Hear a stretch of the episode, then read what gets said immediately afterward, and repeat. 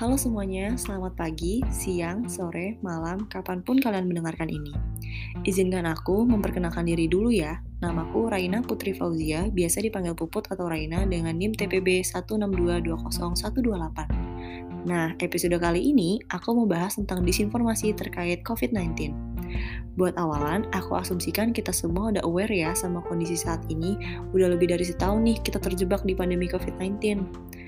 Pandemi virus ini merupakan suatu fenomena baru yang mengharuskan segala pihak berusaha mempelajarinya serta beradaptasi menghadapinya. Namun sayangnya, inilah awal permulaan masalah yang mungkin jadi pengaruh besar mengapa kita belum bisa terlepas dari kondisi pandemi. Disinformasi. Menurut Kampus Besar Bahasa Indonesia, disinformasi itu adalah penyampaian informasi yang salah dengan sengaja untuk membingungkan orang lain.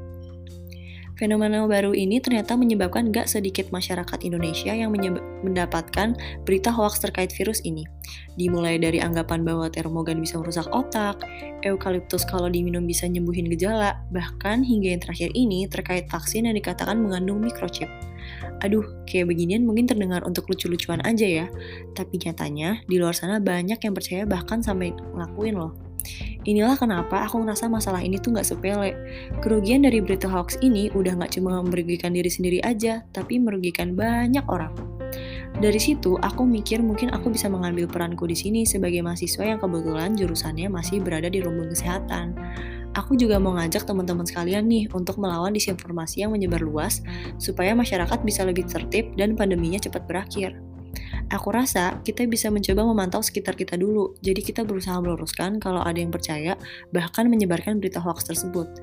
Aku sadar kalau dulu aku masih suka belum berani untuk menegurnya, cuman ini urgensinya udah tinggi banget nih teman-teman, jadi kita harus ikut melawannya juga. Kalaupun kita belum tahu, aku rasa kita bisa selalu belajar mencarinya di referensi-referensi yang valid. Perlu diingat juga bahwa disinformasi ini dilakukan mungkin tidak hanya sama orang-orang yang sengaja, namun juga orang-orang yang tidak berkesempatan untuk belajar dari sumber yang valid. Oleh karena itu, yuk teman-teman beranikan diri untuk mengedukasi diri sendiri lebih baik, serta menyebarkannya ke orang-orang sekitar. Harapannya nih ya, ini bisa meluas ke seluruh masyarakat Indonesia agar lebih disiplin dan pandeminya segera berakhir. Sekian yang dapat aku sampaikan. Apabila ada kesalahan, mohon dimaafkan dan dikoreksi ya teman-teman. Semoga ini semua bisa bermanfaat bagi kita semua. Terima kasih semuanya. Stay safe and healthy.